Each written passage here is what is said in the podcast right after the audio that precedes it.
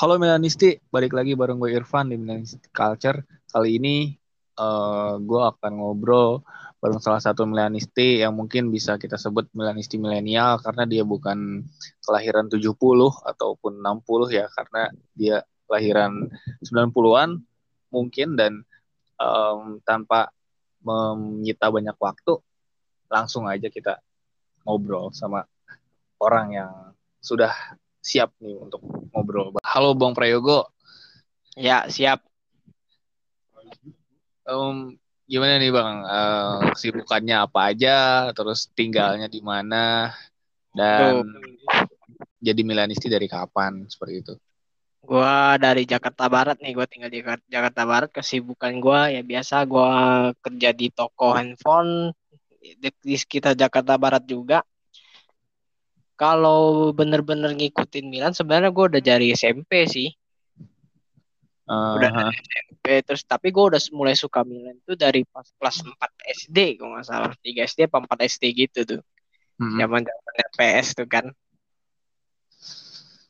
Oh iya berarti lu pas main PS suka milih Milan dong ya? Yo i, yo i tim favorit gue terus tuh. Soalnya um, dulu kan Milan pemainnya emang gahar-gahar ya. Iya. Jadi kalau dipak kalau dipakai main kayaknya ya menangnya gitu 90% lah gitu ya. Iya, udah jadi andalan banget tuh tim itu tuh. Uh, nah, kalau kalau ngomongin pemain nih, siapa nih pemain yang paling lu favoritkan nih di area AC Milan? Favorit kalau dari dulu sampai sekarang gua tetap Shevchenko. Shevchenko. Iya, kalau di musim ini ada nggak kira-kira? Aduh, di musim ini sebenarnya rumit ya, tapi yang pasti sih si Ibra sih kalau favorit gua mah. Ibra ya. Ibra. Leadershipnya bagus banget tuh. Hmm, benar-benar emang kalau nggak hmm. ada Ibra, sepertinya kita bakalan lebih sulit ya musim ini. Iya, mungkin kita cuma sekelas Brescia gitu doang. Brescia mah seri B tuh. Iya. Makanya kan. Hmm. Dan kali ini nih ya kita akan ngobrolin soal rating para pemain yang didatangkan oleh AC Milan dari um, putaran satu dan putaran dua nih.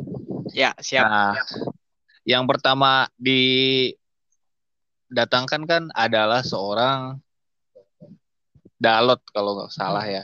Kita acak aja ini mah. Nah, Dalot hmm. didatangkan dari uh, Manchester United dengan status pinjaman dan dia adalah pemain yang statusnya juga cadangan di Manchester United. Gimana nih pendapat Bang Prayogo soal Dalot ini? Oh, kalau pendapat gue sebenarnya juga di Milannya juga sih. Milan datangin Dalot kan dengan tujuan sebagai backupnya si Calabria sama si Theo ya, kalau nggak salah ya waktu itu. Jadi kalau secara kontribusinya sebagai cadangan sebagai backupnya si Theo sama Calabria itu cukup worth it kalau menurut gua. Soalnya dari dari cara bermain dia juga lumayan sih kalau menurut gua ya lebih dia dia juga bisa bangun serangan buat Milan. Counter attack dia juga bisa ikut membantu sih. Ya menurut gua sih worth it kalau untuk si Dalot. Hmm. Dan menurut lo ya kalau untuk musim depan ini Dalot di tebus saja atau ya udah cari yang lain seperti itu? Kalau sebenarnya kalau gua, gua kalau orangnya sih kayaknya pendapat gua menurut ini deh, mendingan kalau ada yang lebih bagus cari yang lebih bagus kalau menurut gua ya. Tapi sisi lain si Dalot juga udah cukup oke okay sih. Secara dia udah tahu pola permainan Milan itu yang pertama. Poin keduanya dia dari dia jadi back kiri back kanan juga oke okay sih bang kalau menurut gua. Hmm. Hmm, jadi mau dipermanenin juga bagus, tapi kalau bisa usahakan Milan cari yang lebih bagus lagi, yang lebih menjanjikan kalau menurut gua ya. Hmm. Atau mungkin bisa dengan opsi pinjaman lagi seperti itu ya. Boleh, iya. Jadi kasih kesempatan lagi, mungkin bisa aja kan kasih dia berkembang le, berkembang lebih jauh lagi ya. Hmm. Buat permainannya itu. Ya, karena dengan dua golnya dia di Serie A ya itu tidak bisa dibilang jelek juga untuk seorang back sayap ya. Iya, nggak bisa. dari lebih ke dari pola permainannya dia sih. Dia cukup masuklah ke dalam squad Milan ini cara mainnya. Dan dia juga level tim nasional kan walaupun masih U21-nya bareng Leo. Iya, benar. Benar. Sekarang juga kan lagi membela timnas Portugal untuk Euro kan kemarin abis ngalahin Italia kalau salah. Nah, secara keseluruhan ratingnya berapa nih Bang untuk Dalot musim ini? Uh, menurut gua 6.5 ya. Poin 5. 6.5, ya.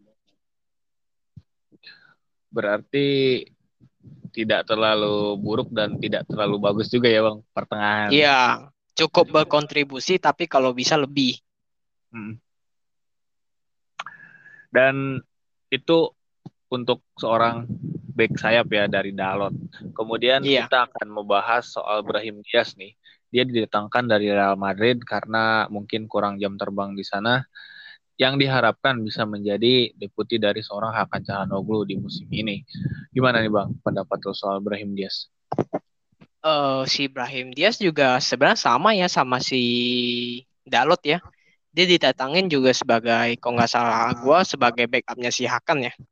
Hmm menurut gue dia sebagai backup Hakan cukup cukup berkontribusi sih sangat sangat cukup malah kalau gue bilang Se dia secara di permainan di apa uh, Giornata terakhirnya aja dia bisa jadi starter beberapa kali buat squad Milan ini dan dia membuktiin diri tuh pas lawan Juve dia bisa nganti ngasih kontribusi dia bisa membuktiin diri kalau dia lebih dari yang dipikirin sama si Pioli Hmm. Gua rasa dia udah bagus banget, cuman ya dibanyakin jam terbang lah buat dia. Dengan harga yang cukup mahal dari Real Madrid sekitar 30 lebih untuk seorang Brahim Diaz, menurut lo gimana bang? Tebus atau enggak? Oh, kalau untuk si Brahim nego-nego lagi lah ya. Karena hmm. kalau kayaknya dia butuh buktiin diri lagi deh. Soalnya di season ini kan dia masih kurang jam terbang. Kita belum lihat permainan dia yang sebenarnya gitu. Iya, bahkan ketika seorang Hakan Calhanoglu yang absen waktu di awal musim sampai pertengahan yang dipercaya adalah Krunic dan si Leo kan yang pernah di posisi 10 kan bukan iya, iya itu jengkelnya itu ada si Ibrahim Diaz yang lebih berkontribusi malah diturunin si Leo. Leo kan posisi murninya bukan di sana kalau kau gue bilang kan.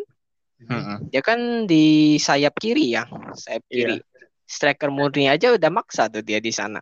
Mau dimak dipaksain di wah emang bagus kalau gua akuin dia waktu itu di posisinya ganti posisi Hakan itu bagus. Cuman kalau menurut gua lebih baiknya ngasih si Ibrahim Diaz uh, posisi itu sih ngasih dia kontribusi karena kan posisi murninya di sana si Ibrahim Diaz dia lebih mungkin dia bisa lebih bangun pola permainannya si Milan daripada si Leo yang waktu itu.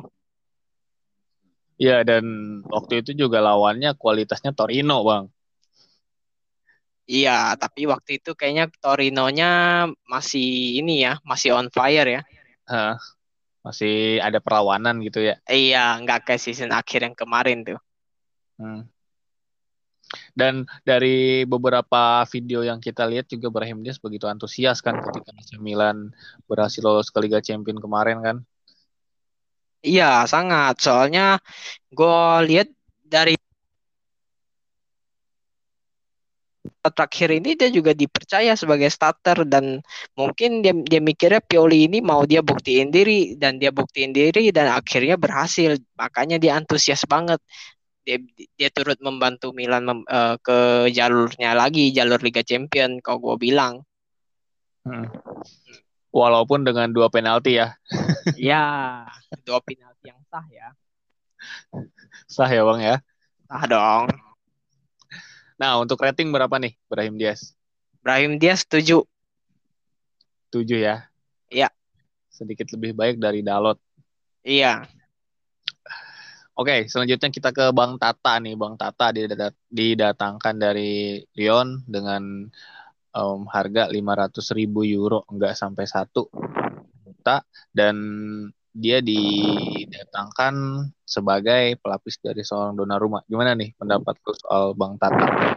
Nah, si Tata, si Tata Rusano ini datang sebagai pelapisnya Dona karena si Reina nggak mau uh, nggak nggak diperpanjang ya sama pihak Milan ya. Jujur kalau gue si Tata Rusano juga cukup bagus sih kalau untuk sebagai pelapis hmm. dengan harganya yang murah, dengan skillnya yang lumayan dan dia juga salah satu kiper berpengalaman sih. Dia kan udah ke mana-mana, pernah di Serie A juga kan? Iya. Yeah Ya, jadi gue pikir mungkin dia uh, permainannya juga dia udah tahu. Dan menurut gue worth it sih, hebat dia. Uh, benar-benar bisa jadi pelapis. Dia pelapis yang baik lah kalau gue bilang. Hmm. Dan dia juga um, pernah menjadi andalan kan di tim nasional Rumania. Iya, kalau nggak salah sempat jadi kaptennya itu ya timnas Rumania ya atau Iya, kan? sebelum pensiun. Oh, sebelum pensiun ya. Hmm. Iya, karena memang menurut gue kontribusinya bagus sebagai pelapisnya Donnarumma. Hmm. Nah, kalau menurut lo kan um, si Tata Rusano itu kalau nggak salah dikontrak sampai 2023 nih. Nah, musim depan kita orang Tata Rusano di posisi pelapis atau mungkin kita harus merekrut kiper baru. Oh, kalau untuk jadi pelapis sih sebenarnya dia udah cukup sih udah cukup banget secara kiper baru kita nanti Mike Nan ya. Mike hmm. juga perlu buktiin diri juga tapi gua gua rasa si Tata Rusano udah cukup jadi pelapis kita bisa gua harap dia bertahan. Bertahan ya. Iya, harganya udah cukup murah juga, worth it lah sebagai kiper pelapis dengan skill yang lumayan bagus kok gue bilang. Hmm. Dan mungkin juga ya um, si Donnarumma ini bisa bertahan juga di Milan. Soalnya belum ada tim yang emang benar-benar serius buat merekrut si Donnarumma akibat harganya yang kemahalan dan komisi agennya juga yang gak ngotak kan 20 juta euro. Menurut lo nih kalau sebagai fans yang hanya uh, melihat Milan dari 90 menit aja, gimana kalau seorang Donnarumma dan Maignan berada dalam satu tim yang sama? Siapa yang lebih diutamakan untuk menjadi starting? Uh, bisa aja bang, bisa aja kayak pas si Reina sama Donnarumma yang dilatih Gattuso, yang masih ditanganin Gattuso. Waktu itu si Reinanya megang Europa League, dan uh, kalau si Donnarumma-nya megang Serie A. Kalau sekarang misalkan Donnarumma stay, mungkin bisa kayak gitu. Donnarumma bisa di Serie A atau Champions League, si Magnan juga bisa di salah satu ajang itu. Oh berarti sistemnya jadi gantian seperti itu ya bang ya? Benar. Tapi lu cukup cukup antusias gak atas um, rumor Donnarumma yang sebegitu dramanya? Oh, gue sebenarnya mau antusias juga nggak begitu sih ya. Karena gue pikir ya kita udah dapetin Magnan juga. Lu kalau mau stay silahkan, kalau mau pergi juga silahkan. Hmm gaji udah ditawarin sekian, lu udah gaji tertinggi kok dari semua pemain Milan, lu mau minta lebih. Terus sekarang kan karma Israel, lu kebingungan nyari tim yang mau ngerekrut lu. Iya, apalagi kan kayak Juventus juga harus ngejual si uh, kiper utamanya juga kan, dan iya. masih punya Stegen yang susah buat digeser. Iya, semua semua tim-tim hebat juga udah pada kip, udah punya kiper hebat juga si Juventus kemarin gue baca artikel dia pengen Donnarumma dengan dengan catatan dia mesti ngejual Skesni dulu ya. Skesni dulu yeah. mesti dijualin baru dia bisa ngasih Donnarumma itu pun gajinya 8 juta setara sama yang ditawarin sama Milan. Iya. Yeah. Mungkin bedanya si Juve lebih berani ngasih komisi buat si agennya, si Rayola. Kalau Milan kan gak mau. Iya, benar iya. benar dan makanya Maldini dengan senang hati melepas si Donnarumma secara gratis kan biar, iya biar si agennya nggak dapat duit dari komisi transfer kan? Iya di sini sebab posisinya si Milan juga nggak dirugikan. Secara Milan banyak opsi kok buat nyari kiper lain. Hmm. dan Donnarumma juga lahir dari tim kita kan? Iya dari Primavera lo hmm. Jadi kita nggak rugi gitu, walaupun nggak untung. Enggak. Iya, lebih baik begitu, lebih baik dibuang daripada ngasih komisi cuma-cuma buat si agennya kan. Hmm. Nah, dengan agen seperti itu, menurut lo Milan harusnya belajar dari pengalaman atau memang ya ya masih nego-nego aja gitu sama pemain-pemainnya si Rayola ini? Oh, kalau menurut gue ya dramanya cukup sama si Donnarumma aja. Mem kalau memang misalkan pemain Milan masih ada yang ditanganin, diagenin sama si Rayola, uh, kita lihat aja nanti negosiasinya gimana. Kalau dia dia mau mulai drama kayak si Donnarumma lagi, ya udah bikin pilihan yang kayak si Maldini lakuin ke Donnarumma lagi. Jadi Berarti lebih lebih ketegas aja gitu ya. Iya, lebih ke tegas saja, jangan buang secara cuma-cuma juga pemain-pemain yang diagen Rayola. Hmm. Oke. Okay. Dan menurut lo nih, kalau secara permainan Milan masih butuh nggak sih seorang Romagnoli? Romagnoli, gue rasa masih sih sebenarnya ya. Hmm. Dia itu bagus loh sebenarnya. Cuman belum masuk ke performa terbaiknya aja kalau gue bilang ya karena mungkin karena gara-gara cedera juga kan masih pemulihan juga udah lama nggak merumput juga. Ditambah lagi Tomori yang benar-benar kontribusinya bagus ya. Hmm. jadinya dia kegeser tapi digeser belum eh, bukan berarti mesti dijual ya. Atau dipertahanin juga sebagai cover. Kia ya, juga kadang kadang juga cedera loh Iya, dia cederaan juga sama. Oke. Nah, kita lanjut ke seorang Kalulu nih, Bang. Dia datangkan Ka dari oh, iya. Lyon eh, Primavera dengan free transfer. Lalu dia dimainkan dulu di tim Primavera di paruh pertama sebelum di pertengahan musim dia diberikan kesempatan untuk menjadi starting ketika pemain-pemain inti cedera. Menurut lu gimana nih soal performa dari seorang Kalulu? Oh, dia dia datang sebagai pemain Primavera terus dia berhasil nembus ke squad utama itu udah bagus banget sih kalau gue bilang. Uh, kenapa gue bilang bagus? Karena dia berhasil menutupi uh, squad utama yang lagi pincang gitu. Kayak misalnya kemarin berhasil gantiin si Calabria. Dari pola permainannya bagus kok. Dia berhasil nutupin uh, posisinya Romagnoli. Serba serba bisa sih. Secara terhitung masih muda juga dan kontribusinya bagus. Ya, dan dia juga bisa seorang bek kanan dan bek tengah juga ya itu nilai plusnya juga kan. Kalau kalau misalkan ratingnya berapa bang seorang Kalulu bang? Kalulu gue kasih dia tujuh. Tujuh ya. Tujuh. Ya. Tapi kalau jam terbangnya lebih banyak mungkin gue bisa kasih tujuh koma lima. Oke. Dan menurut lo seorang Kalulu ini bisa untuk sebagai backup gak untuk musim depan atau dipinjemin aja dulu ke tim lain? Oh, kalau untuk sekarang sebenarnya sebagai backup udah bisa sih. Tapi kalau memang mau dipinjemin juga lebih bagus biar perbanyak jam terbangnya dia. Jadi potensi yang belum keluar di Milan karena jamnya dikit bisa lebih ditingkatkan ya di tim lain ya. Benar, benar banget. Jadi kasih dia jam terbang lebih buat ngasah skillnya. Oke. Okay. Um, untuk kalau lu berapa nih nilainya? Tadi 7,5 Tadi ya? 7, kalau sekarang 7. Soalnya jam terbangnya masih kurang kalau gue bilang. Oke, tujuh. Nah, itu adalah um, dari bursa transfer di musim panas musim lalu untuk Dalot, Brahim Diaz, Tata Rusano, dan Kalulu. Selanjutnya kita ke um, bursa transfer musim dingin nih, Bang.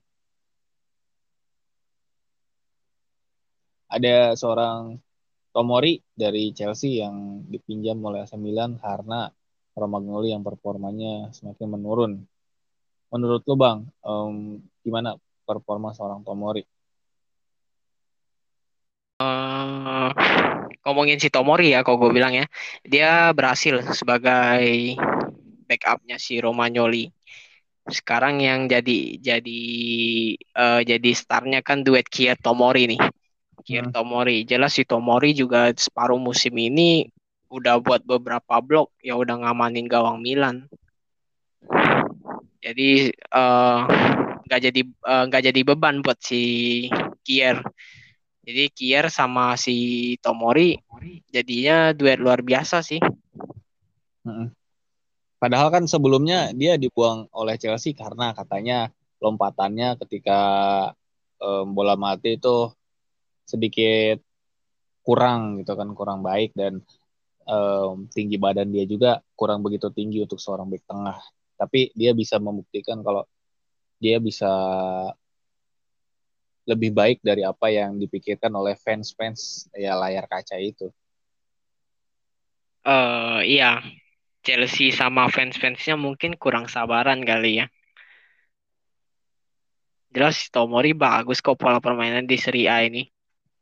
Atau nggak cocok aja ya sama permainan Inggris ya gue juga nggak tahu sih. Tapi jelas dia di Milan udah lumayan kasih kontribusi yang luar biasa. Terbukti dengan gol dia ke gawang Juventus yang melebihi lompatan dari seorang Ronaldo ke gawang Sampdoria kan. Iya, itu yang gue sayangkan karena nggak diekspos ke publik ya. yang diekspos malah lompatan si Ronaldo.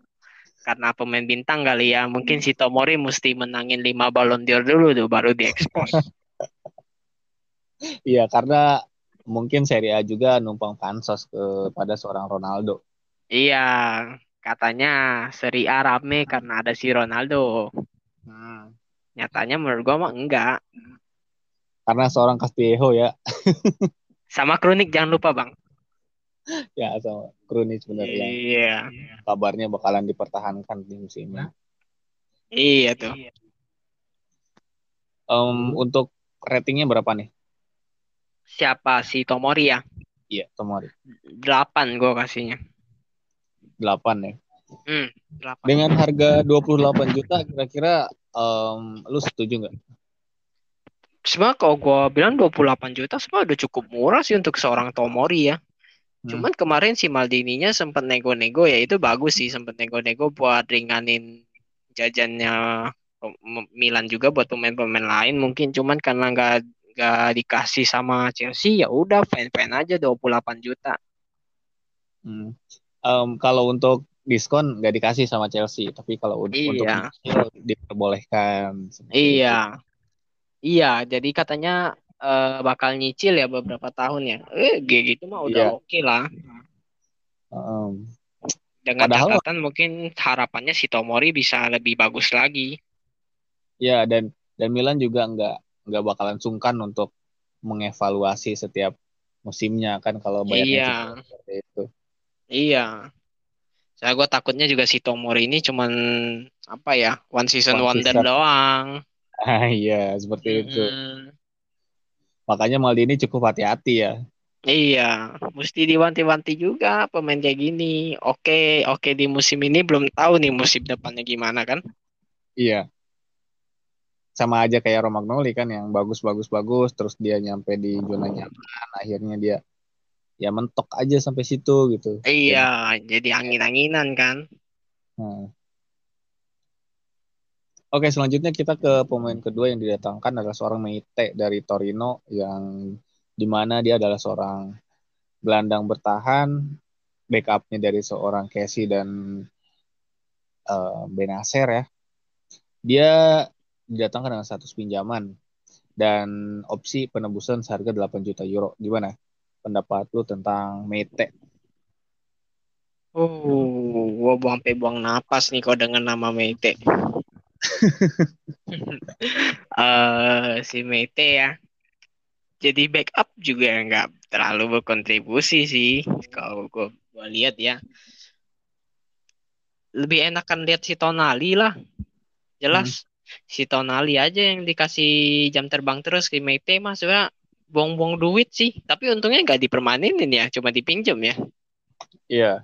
hmm, untungnya cuma dipinjam sih menurut ya memang benar pilihan si Maldini untuk nggak permanenin dia kemarin cuma sebagai backup dadakan aja karena nggak ada pemain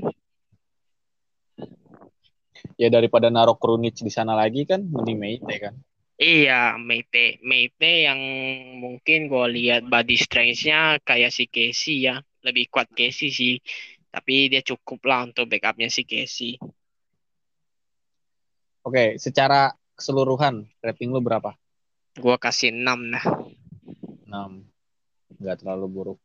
Nggak terlalu buruk, soalnya memang dia juga sempat beberapa kali bangunin counter attack sih buat si Milan.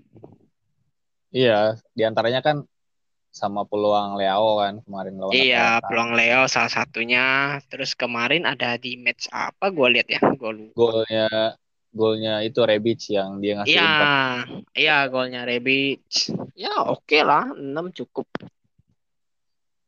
Oke, 6 untuk seorang Mite.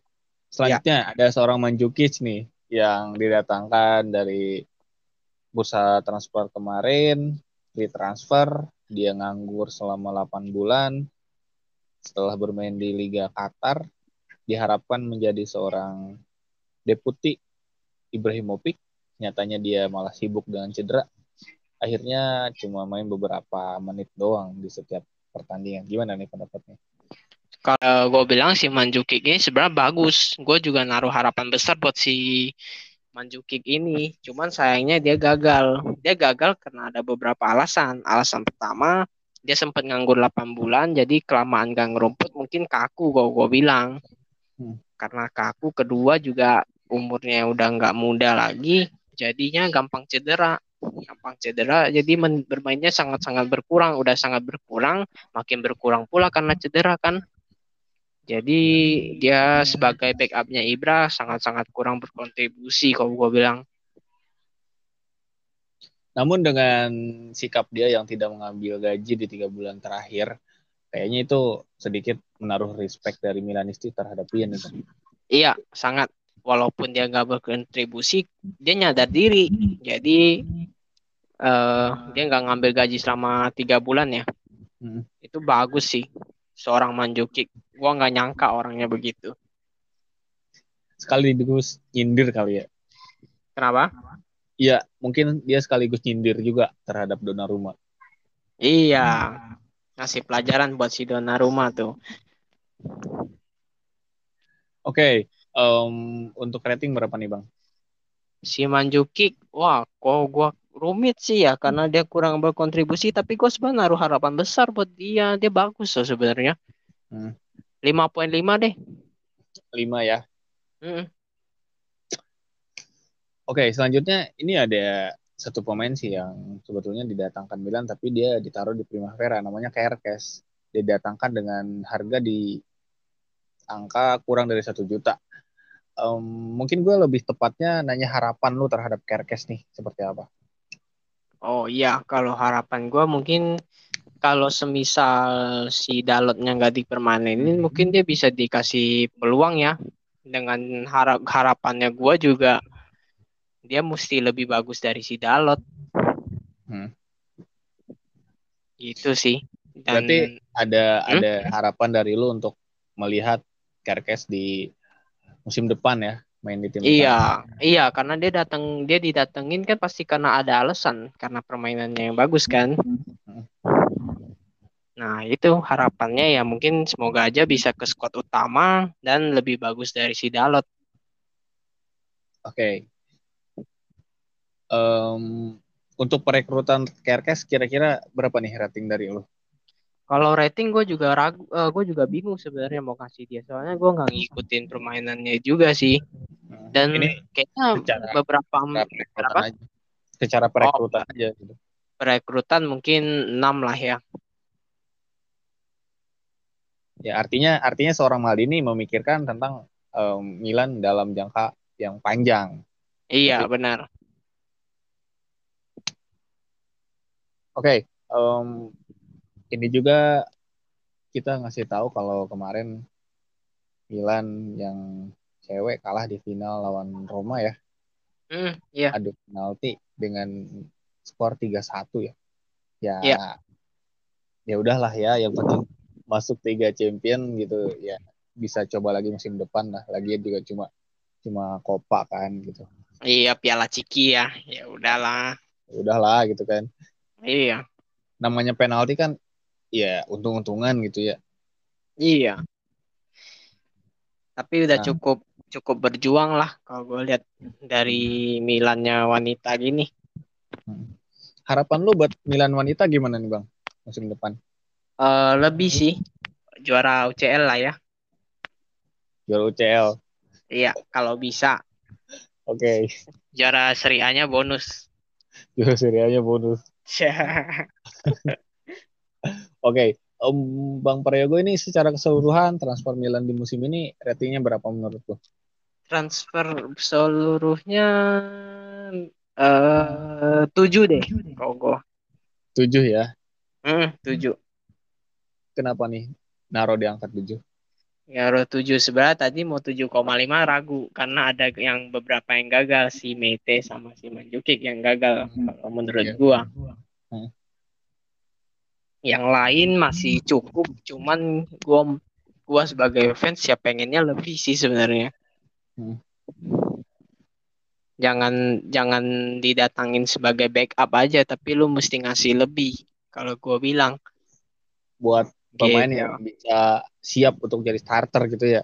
Iya, lu itu datang kalau dibilang sebagai backup ya lu jangan mati-matian sebagai backup tapi lu mesti ngasih lebih biar lu bisa jadi starter Nah, gitu, ngasih kontribusi lebih. kayak Tomori gitu ya. Iya, jangan sok-sok nyimpen buat terakhir lah gitu skill-skill lu keluarin semuanya kan ngasih lebih siapa tahu bisa jadi starter gitu. Hmm. Jadi Kalau kayak gitu kan otomatis para-para starternya juga eh jadi tersaingi. Jadi otomatis mereka juga bisa eh jadi apa ya? Kayak lebih Semangat. baik lagi gitu. Kayak Iya. lomba-lombaan ya. Hmm. Sepakat, sepakat. Mm-mm. Dan secara kesimpulannya nih ya, em, AC Milan mendatangkan pemain di musim 2020-2021 dengan kebanyakan dari pinjaman, free transfer, dan pembelian hanya di Tatarusanu yang seharga 500 ribu euro. Ditambah perpanjangan Ibrahimovic em, di harga 6 juta. Lalu tukar guling antara Rebis dan Andre Silva yang tidak diketahui nominalnya berapa. Lalu eh, Simon Kjaer yang dipermanenkan dari Sevilla. Kemudian ada juga Makers yang dipermanenkan dari Anderlecht gitu. Jadi kebanyakan memang AC Milan meminjam pemain dulu sebelum membeli. Yang kemungkinan musim ini juga bakalan seperti itu juga. Nah, kita langsung bahas ke transfer Milan di musim ini nih, Bang.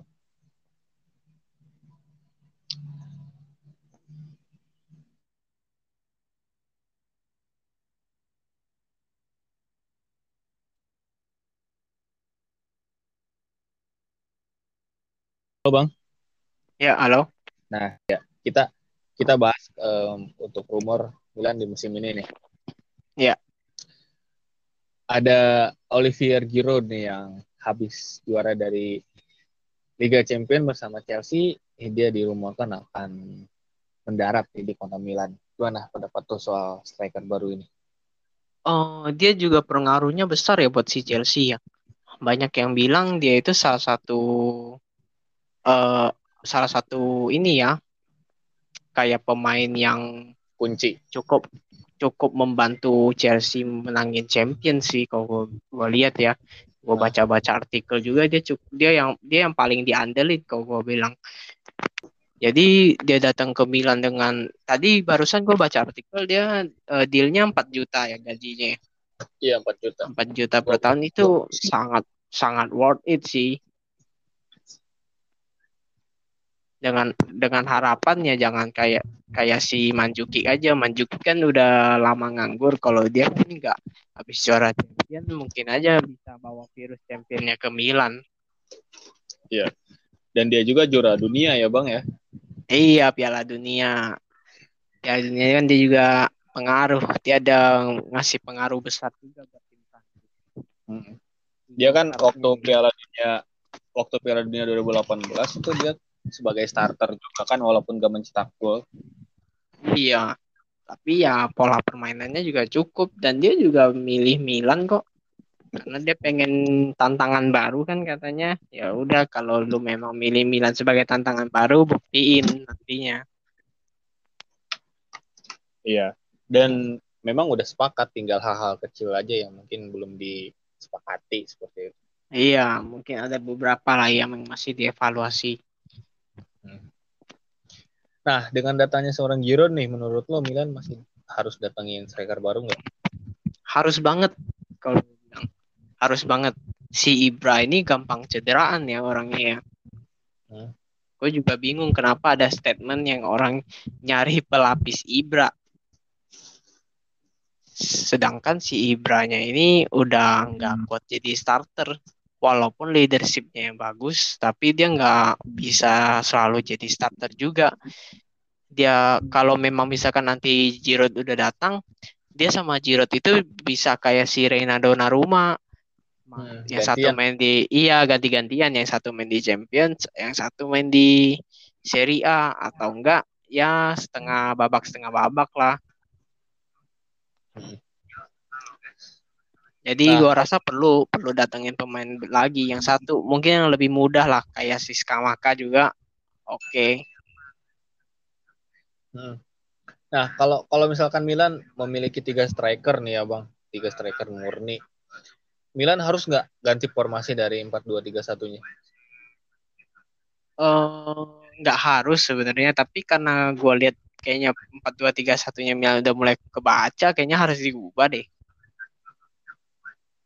Jadi 4-4-2 gitu atau gimana? 4-4-2 atau enggak balik lagi ke 4-3-3. Hmm. Formasi andalannya Milan kan? Iya. Iya, 4-3-3 bisa. Dan di awal juga kan Pioli menggunakan formasi itu kan. Iya. Datang. Waktu pertama datangnya masih pakai 4-3-3 ya bisa lah. Secara 4-3-3, 4-2-3-1 juga nggak beda jauh. Benar-benar. Nah, harapan lu dengan seorang Giroud ini yang digadang-gadang sebagai striker baru Milan seperti apa, Bang? Harapan gue dia harusnya lebih dari Manjukic atau kalau bisa lebih dari si Ibra ya. Hmm. Karena dia udah bisa ngasih champion, bisa ngasih Piala Dunia.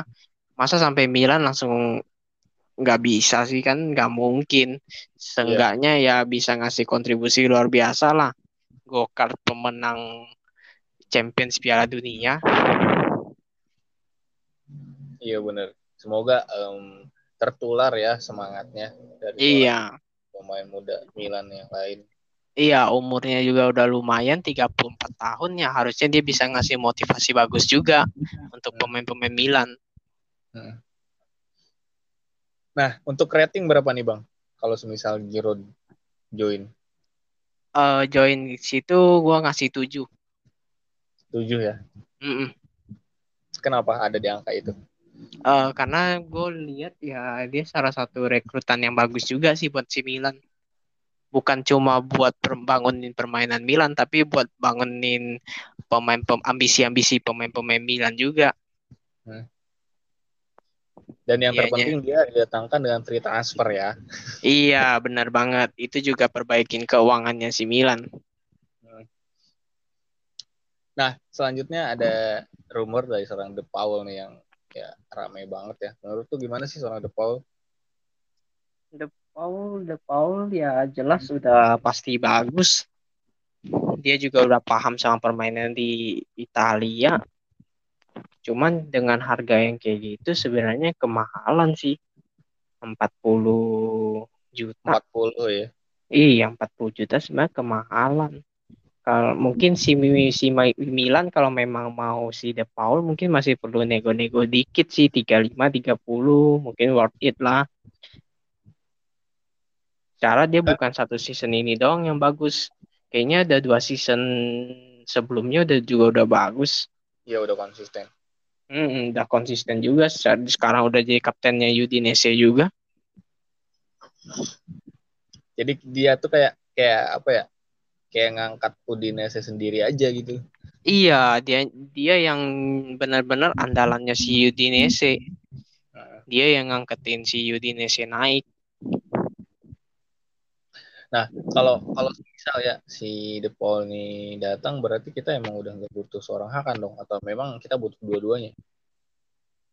Oh, kalau memang kayak gitu masih butuh Hakan sih kayaknya masih ya. Walaupun si Hakan yang angin-anginan, seenggaknya dianya mungkin kronik deh yang dibuang bang. Krunic katanya malah dibertahankan. Waduh, itu jokernya si Pioli lagi. Kayak Iya. tapi joker ya tetap harus dibuang. karena kurang kontribusi, karena free kick bagus doang dia dia dipertahanin kan enggak. Iya benar. Hmm, jadi kalau De Paul datang mungkin si Hakan bisa jadi backup. Ya ganti-gantian lagi. Satu champion, satu Serie A. Eh, sistemnya gantian lagi ya. Iya. Karena kalau gue bilang Milan kali ini jangan mati-matian sama satu squad aja. Mesti ada satu squad inti lagi yang lebih berpengalaman, yang lebih berkontribusi buat main di Champion atau Serie A. Hmm, Jadi nggak timpang gitu ya.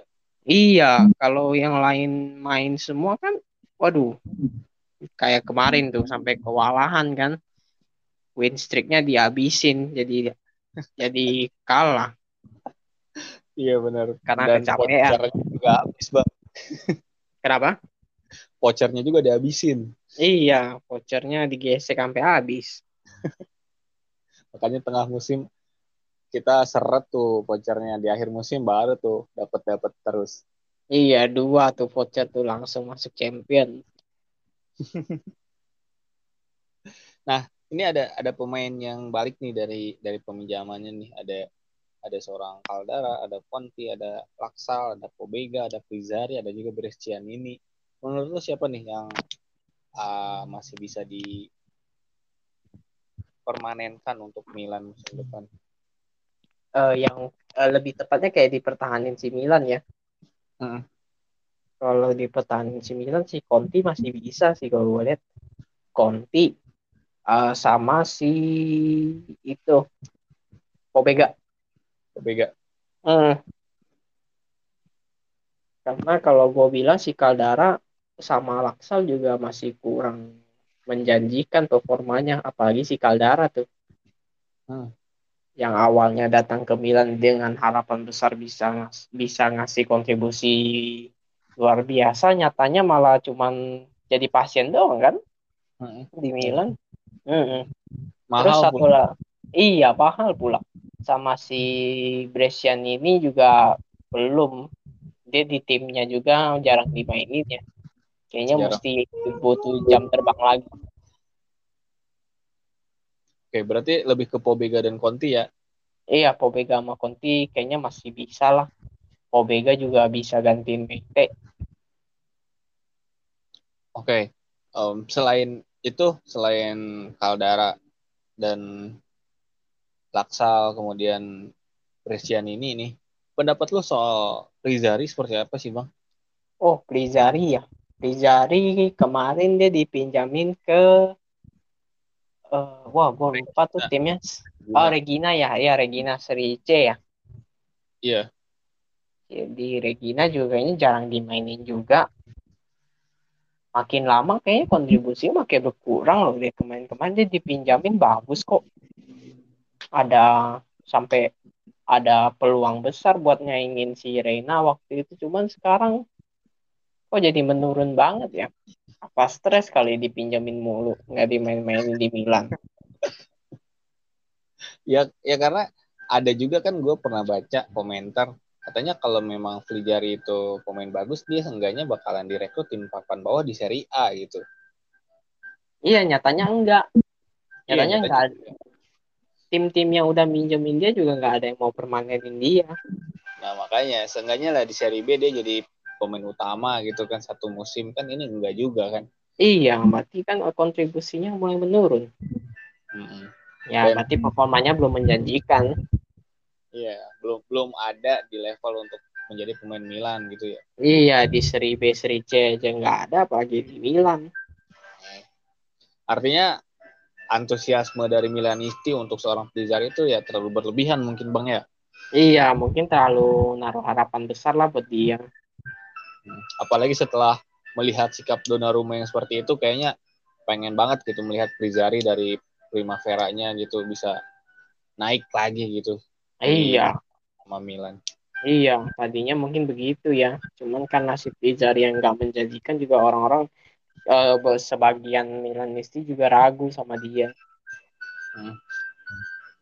Dan kabarnya juga kan untuk kiper ketiga mah kita mau pakai si Jungdal aja kan.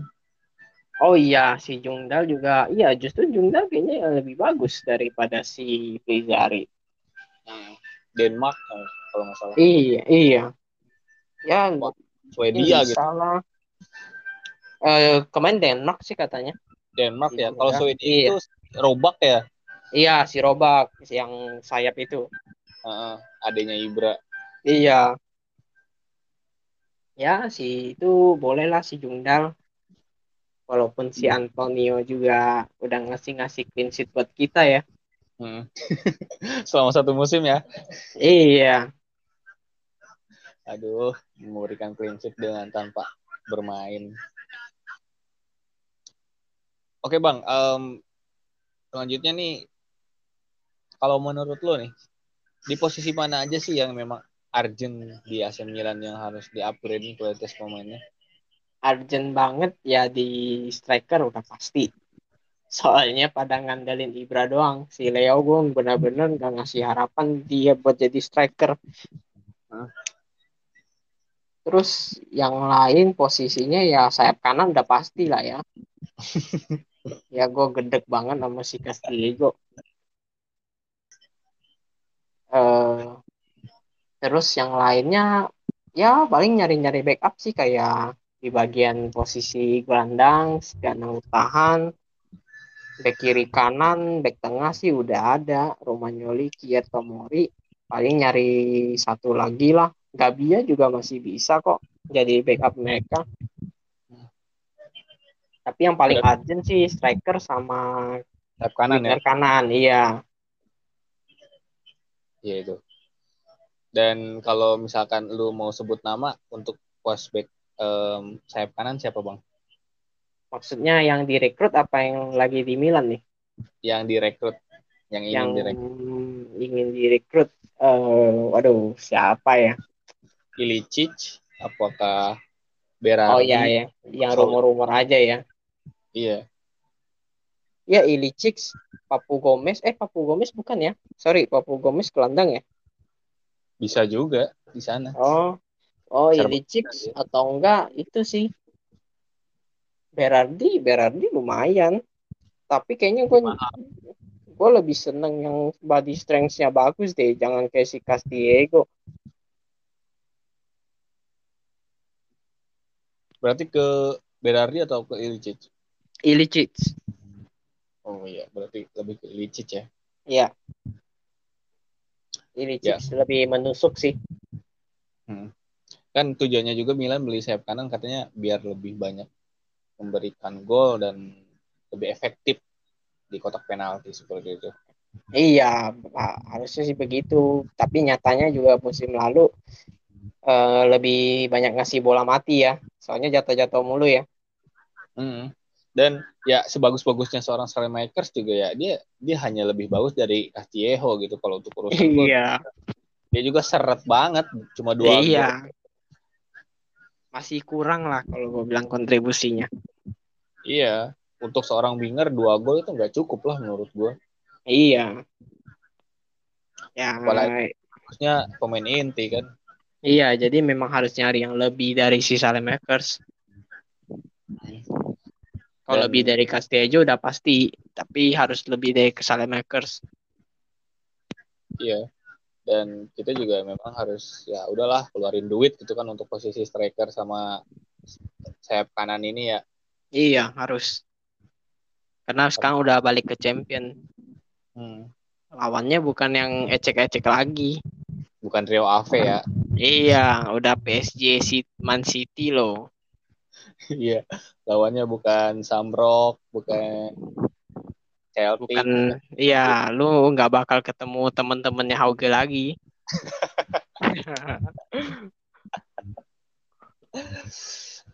Oke, okay, um, ini adalah obrolan dari rekapan kita nih tentang rumor transfer yang mungkin akan terjadi, siapa yang datang dan siapa yang akan dipertahankan oleh Milan. Dan tadi juga kita habis ngobrolin soal rating dari pemain-pemain yang didatangkan oleh Milan selama full musim 2020-2021 bareng Bang Prayogo. Nah, ya. sekedar pemberitahuan nih, um, akun gua yang udah 4000 ternyata um, tumbang dan mulai lagi dari awal ya itu adalah sebuah ya banyak hikmah lah yang bisa diambil dan sedikit dong gue pengen tahu opini dari seorang Bang Prayogo soal akun gue yang di Instagram seperti apa akun Instagram lu sebenarnya udah cukup ini di dari berita udah sering update top dari caption pembahasan juga lebih gampang dimengerti karena bahasanya nggak begitu formal, lebih kayak obrolan santai lah. Jadi kita kita pembaca juga lebih santai nanggepin, jadi juga bisa masuk. Kalau terlalu formal juga kaku kan, tapi Milanese culture juga bagus sih. Uh, ya terus mungkin bisa lebih update ya. Sekarang udah update, tapi mungkin bisa lebih update lagi. Ya gitu. Terus yang lainnya juga bagus sih kayak bikin podcast gitu. Jadi itu kayak ngasih kesempatan buat para followers para Milanisti juga dikasih kesempatan buat ngobrol bahas tentang Milan gini. Contohnya kayak gue sekarang gue dikasih kesempatan buat ngobrolin soal Milan ini cuman Milanisti culture kayaknya yang ngasih kesempatan buat para fans-fans Milan nih ya mungkin yang lain belum memulai aja Iya, tapi lu udah start duluan itu udah bagus. Itu udah peluang yang bagus sih. Oke, okay, uh, eh, gue gue minta apa ya doanya atau supportnya gitu untuk ya untuk iya oh, tetap pasti. lah gitu untuk tetap iya. semangat pasti pasti. Mm -mm. Uh, semangat terus lah untuk Milanese culture Bang Irfan juga. Uh, semoga akun yang baru ini juga bisa naik followersnya. Semoga bisa lebih dari yang kemarin tumbang. Kalau bisa sih bertahan terus lah jangan sampai tumbang lagi akun baru ini. Dan kalau memang bisa balik lagi gue doain balik lagi tuh akun lamanya. Amin amin. Yeah. oke. okay. Um, makasih banget bang bang Prayogo untuk waktunya nih ngobrol sama sama gue juga gue juga makasih banget dari kasih kesempatan buat ngobrolin ini Ya, um, Bang Priyogo ini adalah orang yang pertama gue temuin ya dari dari semenjak bikin akun gitu kan. Jadi ya spesial lah gitu buat. Dan, sama sama akun FB lain juga cuman lu yang kita face to face ya waktu itu ketemu ya. Iya. Siap. Nah, untuk terakhir nih Bang, ada pesan-pesan gak untuk disampaikan pada Milanisti yang mungkin mendengarkan? uh, buat para Milanisti kalau Milanisti lain beropini sebenarnya gue bilang kita sebagai Milan sesama Milanisti uh, sesama Milanisti mesti ngasih sam ini ya ngasih respect ya kita beropini bukan berarti ngejelekin kita mengkritisi juga bukan berarti ngejelekin juga tapi ngasih kesempatan buat uh, bersuara aja jadi kudu di respect jangan saling hina kita kan sama-sama fans Milan sesama fans Milan ya harus saling dukung, saling beropini kan nggak salah. Terus ya itu yang lainnya ya stay safe aja di pandemi ini. Sehat-sehat semua. Oke, sehat-sehat semua dan tetap respect ya sama sesama gitu ya Bang ya. Iya, harus jangan saling julid lah. Dan kebetulan juga ini habis ini kita ada live itu ya um, timnas main kalau nggak salah. Jadi ya mungkin kalau Bang Prayogo mau mau lanjut nonton atau tidur nih? Gua gua nonton tapi nonton highlight gak apa-apa kali ya.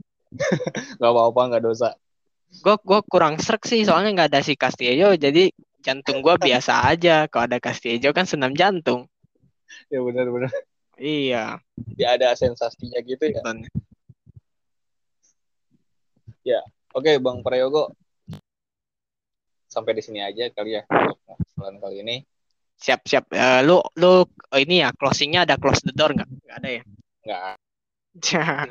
closingnya cukup ya, cukup Milanisti lain aja. Kalah siap, siap, siap. Apa pun itu kita tetap teriak bersama. Iya, pasti. Thank you ya. Oke, okay, thank you Bang.